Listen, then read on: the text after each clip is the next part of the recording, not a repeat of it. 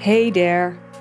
Leuk dat je weer luistert. Dit is een wat andere aflevering dan je tot nu toe van me gewend bent. Al is het maar omdat ik deze aflevering niet alleen heb opgenomen, maar samen met Jeannette van Dijk. Jeannette is coach ook. Ik ken haar van een coachgroep al een aantal jaar. En de laatste tijd hebben we meer contact en wisselen we veel spraakberichten uit. Ik vind het persoonlijk heerlijk om spraakberichten uit te uh, wisselen met mensen.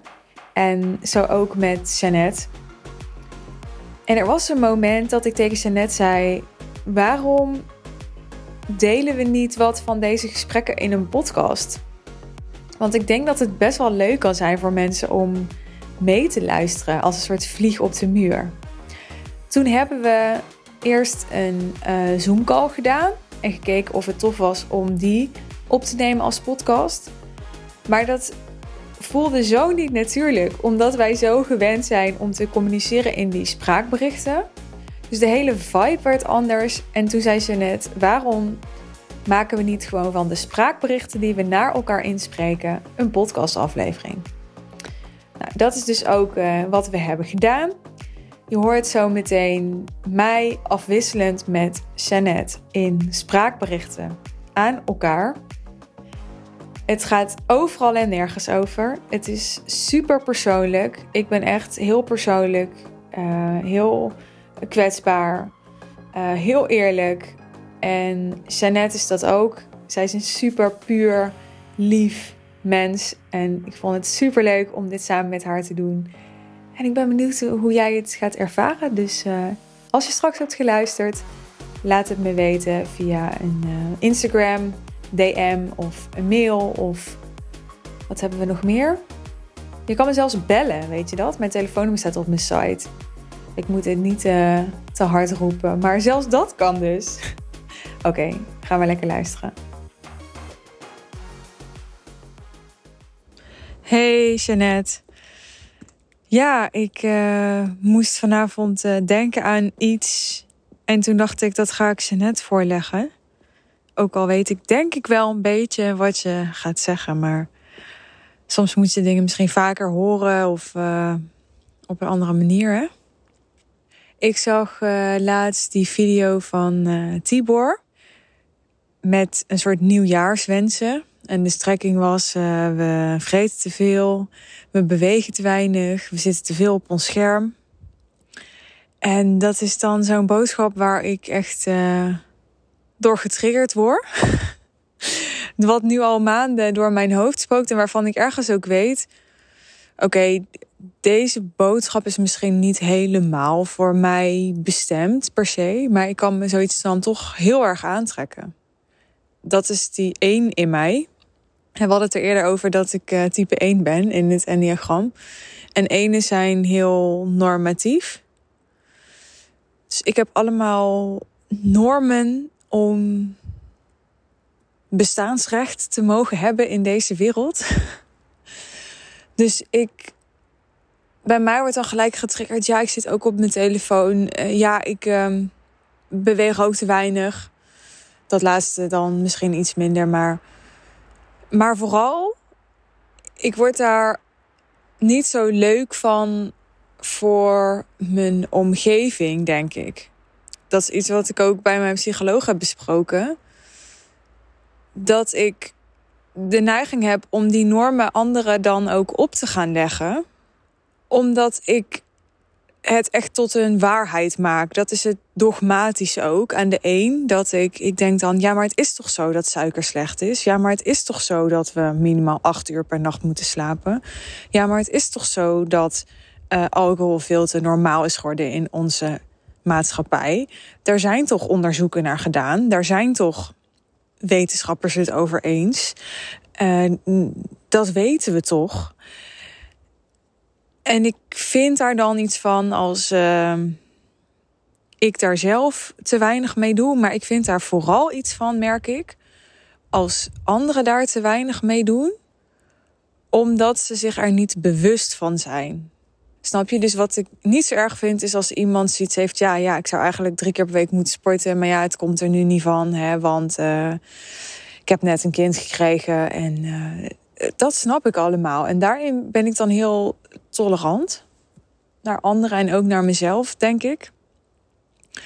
Maar als mensen vanuit een soort onbewustzijn dingen niet doen of een soort struisvogelgedrag, dat vind ik heel ingewikkeld.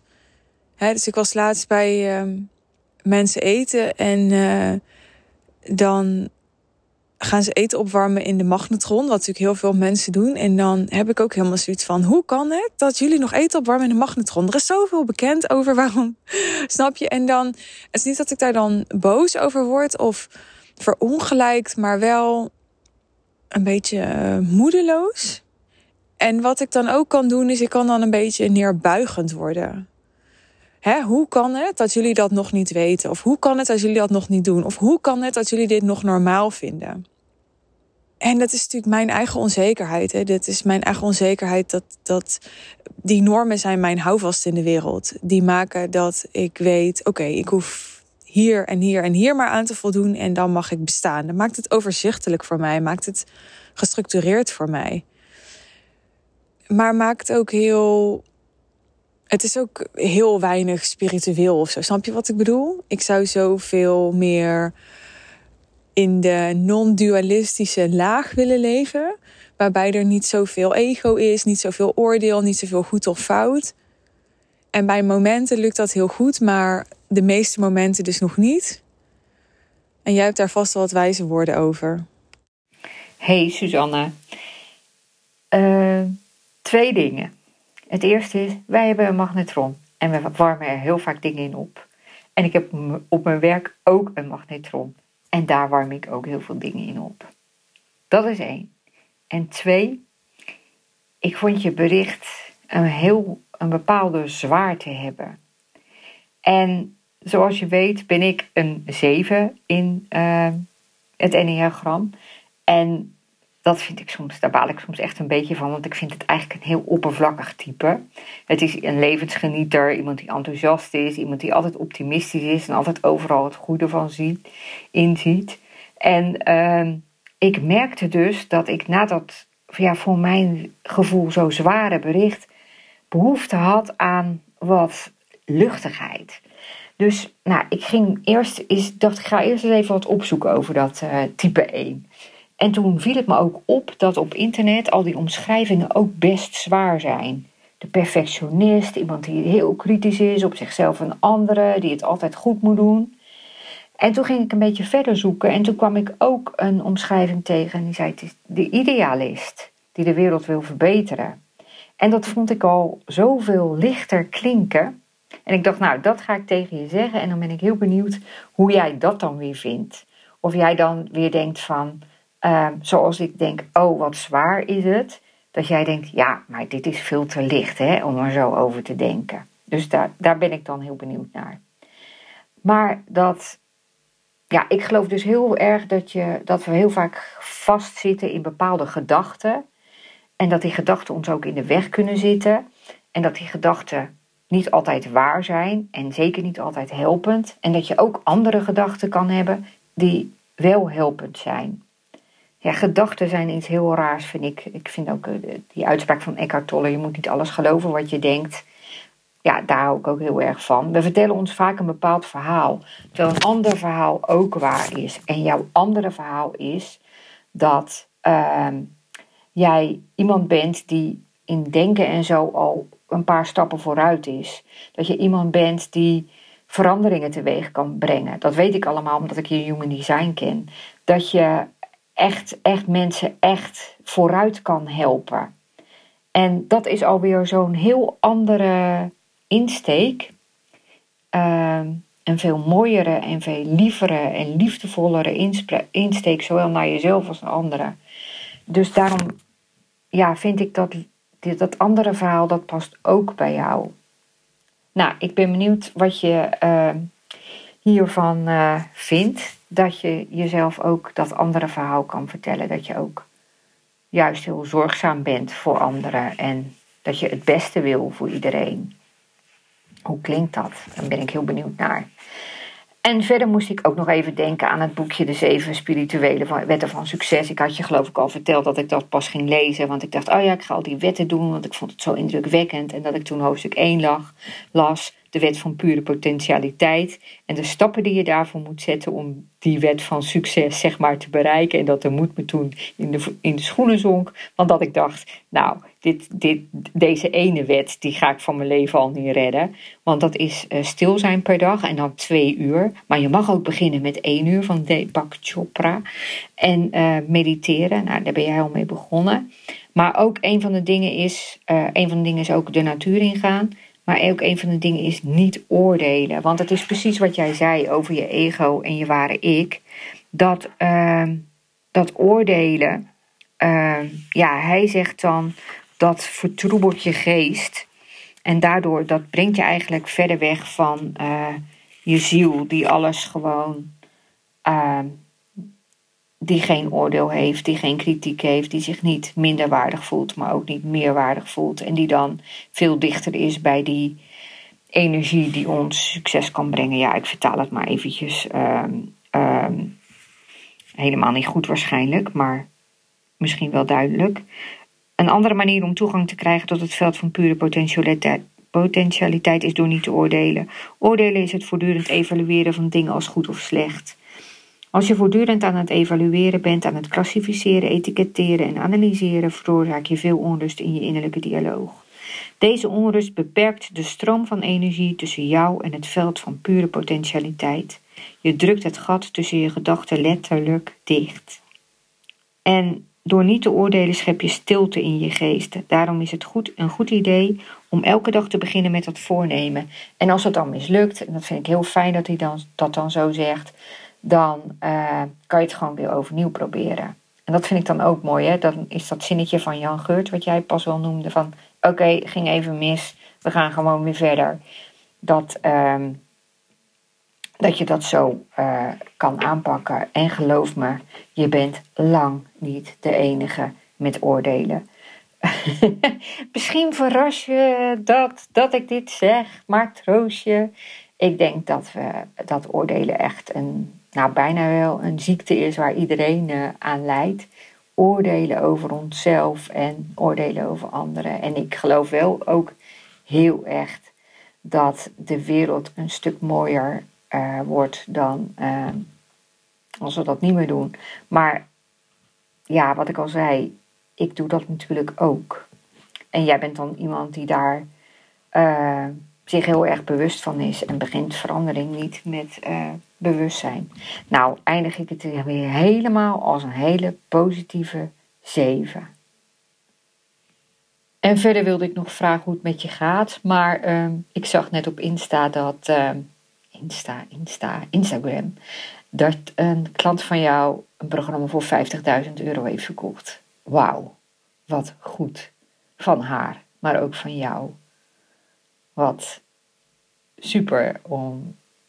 Ja, dat zij zo'n succes heeft. En ja, dat jij daaraan bijgedragen hebt natuurlijk. Echt super trots zou ik maar zijn als ik jou was. En verder had ik nog een vraag die ik zelf vandaag kreeg. En ik dacht, ik ben eigenlijk wel heel benieuwd wat jouw antwoord daarop zou zijn. En die vraag is, uh, als alles mogelijk is, alles is mogelijk, alles kan, wat zou jij dan willen nalaten? Welke verandering in de wereld zou jij gebracht willen hebben? Bijvoorbeeld ehm, dat je de Nobelprijs voor de scheikunde wint, of dat je duizend ondernemers hebt geholpen om een miljoen te verdienen. Ik uh, ben heel benieuwd. Dat van die magnetron, ik wist dat je dat ging zeggen. Anyway, ja, mooi boek. De zeven spirituele wetten van succes. Die heb ik ook gelezen een paar keer. Maar dankjewel voor de reminder. Altijd goed, herhaling. Ik vond het een mooi verhaal over uh, het idealisme van de ene en zo. Ja, ene zijn natuurlijk ook fucking genius, hè? begrijp me niet verkeerd. nee, grapje. Nee, elk type heeft natuurlijk uh, valkuilen en krachten. Dat uh, spreekt voor zich. Maar het klopt natuurlijk helemaal dat zevens een stuk luchtiger zijn dan ene. Dat blijkt ook overduidelijk uit uh, deze berichten volgens mij. Dat is een van mijn grootste onzekerheden in het leven. Dat ik te zwaar ben voor mensen. Daar struggle ik wel mee. Terwijl, ja, ik weet dat dat, dat zit 100% in mij. Als ik die onzekerheid los kan laten, dan gaat ook niemand daar meer over vallen. Maar ik merk ook dat nu we besloten hebben dat we deze gesprekken gaan publiceren, dat ik dat dat ook mijn grootste angst is. Dat mensen zoiets, hadden, eh, zoiets hebben van jeetje, ik, ik word niet per se blij van haar of zo. En dan denk ik, ja, dat is wel nodig om klant bij mij te worden. En, uh... Maar ik ga het gewoon toch allemaal delen. Want uh... ik vind het zo belangrijk om te laten zien dat, dat of je nou verlegen bent of um, of uh, ja, helemaal geen focus hebt, ADD hebt van mijn part, of geeft een label. Of je nou dyslectisch bent, of uh, zoals ik, gewoon een beetje zwaarmoedig. Dat het allemaal niet uit hoeft te maken of zo. Dat, dat vind ik zo belangrijk om uit te dragen. Maar wat ik wel vond van jouw spraakbericht, is dat je toch een beetje subtiel die video van Tibor aan het vermijden was. nou, niet dat ik wil gaan roddelen over Tibor. Maar kijk, ik ben het heel vaak niet per se met Tibor eens. Maar ik denk wel dat het een wijze gast is. En ik heb ook wel gewoon wat langere interviews met hem geluisterd. Want sommige kortere video's zijn marketingtechnisch handig en een beetje populistisch, denk ik. Uh, maar in de langere interviews zit vanzelfsprekend ook wel wat meer. Ja, daar zit meer context bij, meer nuance. Dus dat is. Ja, dat, dat intrigeert mij dan. Dat ik denk: oké, ik denk dat hij een, een wijs man is. En al die dingen die jij zegt ook zou kunnen zeggen. En toch zegt hij keihard: we vreten te veel, we zijn afhankelijk van medicatie, we zitten te veel op schermen, we zijn uh, zwak. Wat natuurlijk allemaal keiharde oordelen zijn. En uh, dan uh, zit ik me eens af te vragen: is dat dan gewoon pure marketing? Is dat dan ja, mensen een wake-up call willen geven? Maar dan denk ik, ja, ik geloof nou niet dat echt de zwakken per se zijn ideale klant zijn. Nou ja, goed, nu gaan we in de marketingstrategie van uh, Tibor duiken. Dat, daarmee dwalen we een beetje af van uh, de essentie misschien. Maar ja, toch ben ik benieuwd hoe jij dan kijkt naar zo'n uh, video. En wat ik ook lastig vind is ehm, dat zo'n Deepak Chopra bijvoorbeeld aan de ene kant zegt niet oordelen. En aan de andere kant zegt: het is goed om twee uur, en als dat niet lukt, minimaal één uur per dag stil te zijn. En dan zegt hij misschien wel: als dat niet lukt, oordeel daar niet over. Maar hij zegt wel dat dat goed is of zo. En ook al baseert hij dat misschien op universele wetten en niet, iets op, niet op iets wat hij zelf heeft bedacht dan nog vind ik dat eigenlijk ook een soort oordeel. Want het, is, het gaat over iets wat je moet doen. Het gaat over iets wat volgens hem goed is. Snap je? Dus er zit zoveel tegenstrijdigheid op dat vlak. En ja, ik ben nu zover dat ik denk: oké, op dualistisch niveau, hè, dus op maatschappelijk niveau, zijn sommige dingen goed en niet goed. En daar kan je over discussiëren wat dat dan is. En op non-dualistisch niveau, dus meer op spiritueel niveau, maakt het niet uit, want het is alles één. Even zwart-wit gezegd. Ik moest hardop lachen om de Nobelprijs van de scheikunde. Dat was namelijk waar ik het uh, slechtst in was op school. dus dat vond ik wel grappig. Ik hoorde jouw vraag en het eerste wat me te binnen schoot, ik ga het maar gewoon delen, super eigenwijs natuurlijk, is ja, ik geloof daar dus helemaal niet in. In ja, ik wil graag duizend ondernemers helpen om hun omzet te vergroten. Omdat wat ik heb geleerd is dat jouw why, dus echt waarom je doet wat je doet, is iets persoonlijks. Ik doe wel eens tijdens live dagen een oefening met mijn klanten. En dat is de oefening acht keer waarom, zo noem ik het maar even. Dus dat betekent dat je bijvoorbeeld begint met de vraag: waarom doe je wat je doet? En daar komt dan altijd een heel mooi geformuleerd antwoord uit. Wat iedereen wel eens heeft gezegd in een interview of wat dan ook. dus ehm, in mijn geval uh, zou ik bijvoorbeeld kunnen zeggen: omdat ik mensen wil helpen om meer te verdienen in minder tijd. En dan is de vervolgvraag: waarom? En dat doe je zo acht keer. En waarom acht keer? Nou, omdat acht schijnt een soort magic number te zijn om van ratio te zakken naar je hart. En in je hart, of op zielsniveau, of hoe je het dan ook maar wil noemen, daar kom je uiteindelijk altijd bij omdat ik aan mijn moeder wil laten zien hè, dat een vrouw wel onafhankelijk kan zijn. Ik zeg maar wat. Of omdat ik wil dat mijn kinderen niet de eenzaamheid kennen die ik heb gekend als kind.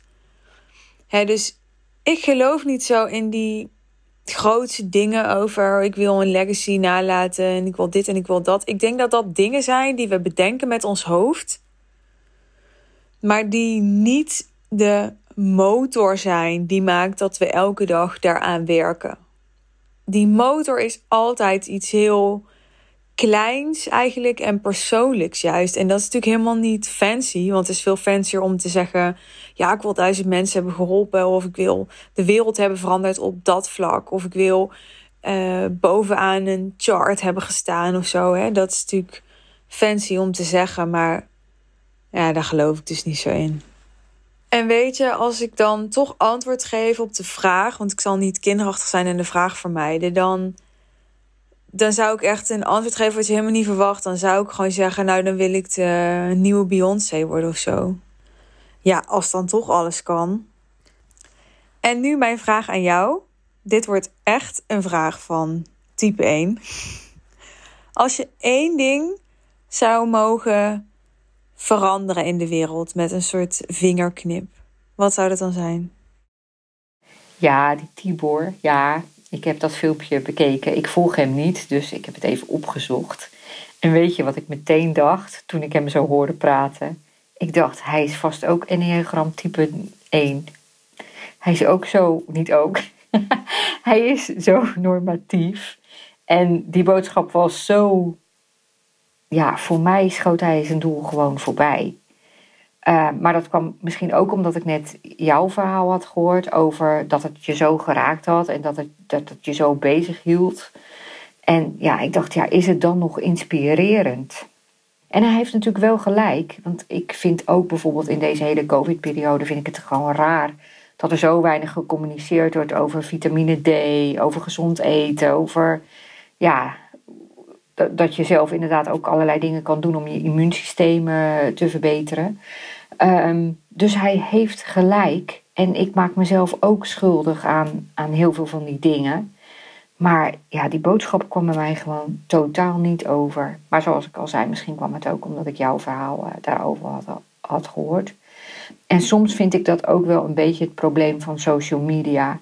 Heel veel mensen delen daar tips en adviezen en hoe je maar beter kan worden en gelukkiger. En nou ja, als je dit voelt, moet je dat doen en zo. het is allemaal supergoed bedoeld en allemaal heel oprecht en zo.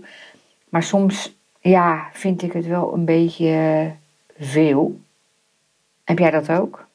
Of uh, kijk jij maar heel uh, selectief? Um, en verder zei je nog iets over dat je het wel moeilijk vindt om dingen te delen waardoor mensen misschien het idee krijgen dat jij best zwaarmoedig bent. Maar ik vroeg me dan af, hoe is dat eigenlijk voor jezelf? Eigenlijk was mijn verhaal ook een beetje bedoeld om te zeggen, misschien kan je het ook voor jezelf wat lichter bekijken.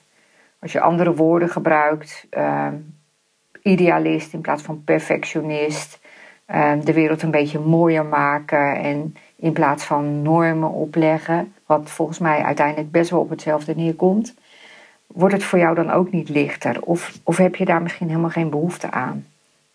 Ja, dat vroeg ik me dus een beetje af. En ik, vind het, ja, ik vond het wel een heel, heel uh, scherp over uh, de oordelen uit het boekje van uh, de zeven spirituele wetten van succes. Over dat je dan bij de eerste wet niet meer mag oordelen. En dat daar natuurlijk ook iets over goed en kwaad in zit. Ja, daar heb je helemaal gelijk in, maar toch telt het dan een soort niet. Want dat is allemaal gewoon heel goed voor ons. Om dat niet meer te doen. ik breid er ook maar een, uh, ik breid er ook maar een punt aan. Huh? Zoiets. En um, heel grappig dat je uh, Beyoncé wilt zijn. Ik zag meteen allemaal hele gave gouden schoenen met hoge hakken en prachtige jurken en zo voor me. En de hele dag uh, opgemaakt worden en met fotoshoots en zo. Ik vond het helemaal bij je passen, maar ook omdat ze natuurlijk inhoudelijk ook wel uh, wat te zeggen heeft. Dus ja, leuk. En uh, ja, ook mooi die acht vragen over die steeds dieper gaan. Dan wordt er zeker ook best wel vaak gehuild, stel ik me zo voor. En een leuke vraag had je gesteld. Ehm, wat zou jij uh, doen als je in één klap iets op de wereld uh, zou veranderen? Nou, dan zou ik willen dat alcohol niet meer slecht voor je was. Haha. Of dat iedereen de zeven spirituele wetten van succes allemaal kon doen. Nou, dat zou wel heel leuk zijn. En ik dacht natuurlijk ook allemaal dingen als geen armoede meer en alsjeblieft geen kinderen en andere mensen meer in vluchtelingenkampen in Griekenland en zo. Maar uh, het antwoord komt nu. En dat is dat ik wel zou willen dat alle posities die nu door mannen worden ingenomen, door vrouwen worden ingenomen. Dat na al die duizenden jaren van mannen aan de leiding, vrouwen het roer gaan overnemen. Ik ben zo benieuwd wat er dan zou gebeuren. Ik geloof echt dat, dat het allemaal heel anders wordt.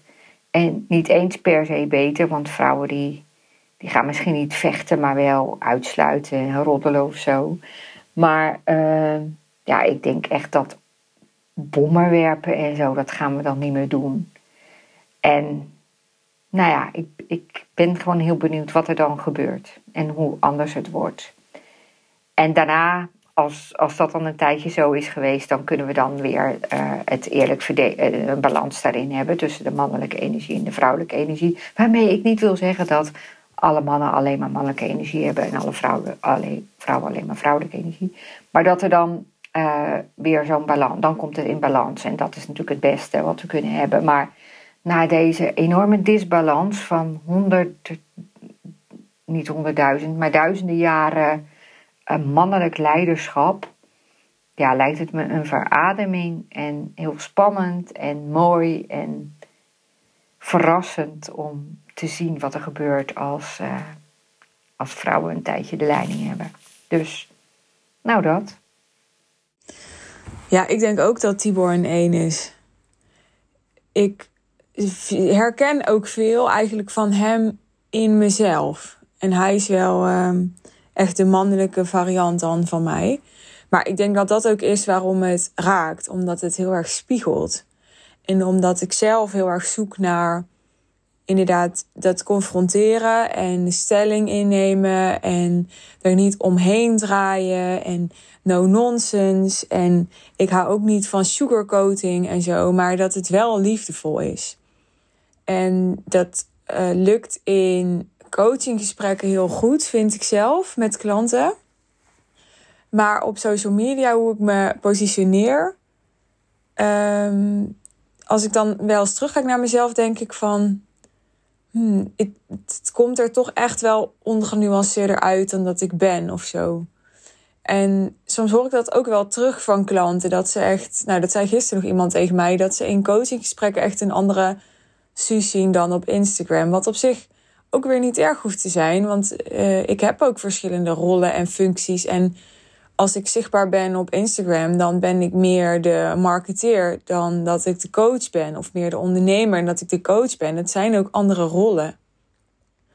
Maar nou ja, jij vroeg ook aan mij of ik uh, social media soms een beetje veel vind, hè? En toen dacht ik, ja, wat ga ik hier nou over zeggen? Heel eerlijk, ik heb social media best wel lang verdedigd, omdat ik er zo ontzettend veel aan heb gehad. Mijn hele carrière, het is aanhalingstekens, heb ik echt, nou, ik wil niet zeggen heb ik te danken aan social media, heb ik natuurlijk te danken aan mezelf. Maar ja, zonder social media had het er in ieder geval heel anders uitgezien. En had ik geen. Ik heb er geen idee bij hoe het er dan uit had gezien. Kijk, mijn blog werd heel erg gestuurd door social media. Er was in de tijd vooral nog Twitter. Ik had best wel veel verkeer voor mijn blog via Twitter. Nou, nu haal ik ook ja, bijna 100% van mijn leads uit social media. Dus ik voel me heel erg verplicht om social media in die zin te verdedigen. Maar ik luisterde laatst een uh, podcast van Giel Belen met Edwin Selei. En zij hadden het erover hoe, ja, hoe monsterleuk social media eigenlijk ook is. En ik weet natuurlijk ook dat, dat bij Facebook dat ze de beste psychologen ter wereld daar hebben.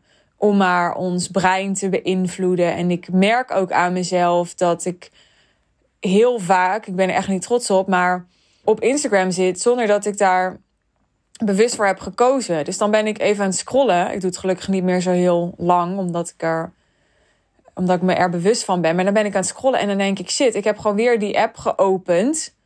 Of weer op een, een story van iemand geklikt, zonder dat ik daar bewust voor gekozen heb. Ja, en dat vind ik wel zo gevaarlijk. Hè? Daarin zie ik wel echt gewoon parallellen met, ja, met andere uh, verslavingen die jou overnemen, als het ware. Maar goed, nu ga ik natuurlijk weer heel erg praten als een één. die vindt dat uh, de wereld beter moet. Ik geloof ook wel dat, dat ook op dit vlak de wereld beter gaat zijn. Ik zie al initiatieven ontstaan van, van ondernemers die, ja, die andere social media willen. Bijvoorbeeld social media waar je voor betaalt of wat exclusiever is. Ik, ja, ik denk dat, uh, ook Facebook toch niet het eeuwige leven geschonken is. En ik hoop het ook, want ik ben dus dankbaar voor social media, maar ik, uh, ik zou zeker een leven zonder heel interessant vinden. Omdat ik ook merk dat ik heel veel sociaals bijvoorbeeld kan vermijden, omdat ik mijn sociale dosis uit social media kan halen. Dus ik eh, DM elke dag met mensen. En nou, zo hebben wij ook nauwer contact gekregen. Dat was ook via Instagram. Maar dat betekent ook dat ik daardoor bijvoorbeeld uh, niet een band hoef op te bouwen met mijn buren. Weet je wel, mijn buren die ken ik nauwelijks. Terwijl als social media er niet zou zijn, dan zou ik misschien een keer als ik buiten loop en ik kom mijn buurman tegen, toch een praatje aanknopen. Gewoon uit, uh, ja, uit sociale behoeften. Waarvan ik wel denk dat dat veel gezonder is. Nou, ik haak meteen even op het, dat laatste in, op die buurman van jou. Want ik denk dan, als het een gezonder idee is, is het dat misschien een idee om gewoon de volgende keer een praatje met hem aan te knopen. Ja, dit uh, ongevraagde advies krijg je gratis bij. En verder vind ik sugarcoating een heel erg leuk woord. En uh, die ga ik erin houden, want ik zeg altijd silver lining. Maar ik vind sugarcoating, ja, dat klinkt echt zo, dat is zo plastisch. Dat vind ik wel uh, een leuke uitdrukking. En ik vond het ook wel een eye-opener dat je zei dat jij op Instagram toch een iets andere rol hebt dan als coach. Dat je daar in, op social media meer de um, ondernemer of marketeer bent. Ik ben volgens mij overal altijd dezelfde, maar misschien is dat best wel uh, iets om over na te denken. Dus dank je wel voor dat inzicht. En verder wilde ik nog mijn excuses aanbieden aan Tibor, die ik verder helemaal niet ken. Maar uh, ik dacht van ja, ik oordeelde eigenlijk ook wel over hem. En dat uh, zou ik niet meer doen en dat wil ik ook helemaal niet. Want ik denk ook echt dat hij het met heel, dat er heel veel liefde en compassie ook achter zit. Omdat hij oprecht zich zorgen maakt over hoe wij omgaan met ons lichaam en, en met elkaar en met de wereld en zo. Dus ik dacht, nou, laat ik het even mooi afsluiten. Wat goed dat er ene zijn die ons daarop attent maken. Yes, dat was hem. Deze bijzondere podcast special in samenwerking met Jeannette van Dijk. Ik hoop dat je het leuk vond om te luisteren. Volgende keer doe ik het weer alleen. Maar het was een leuke afwisseling, toch? Tot de volgende keer.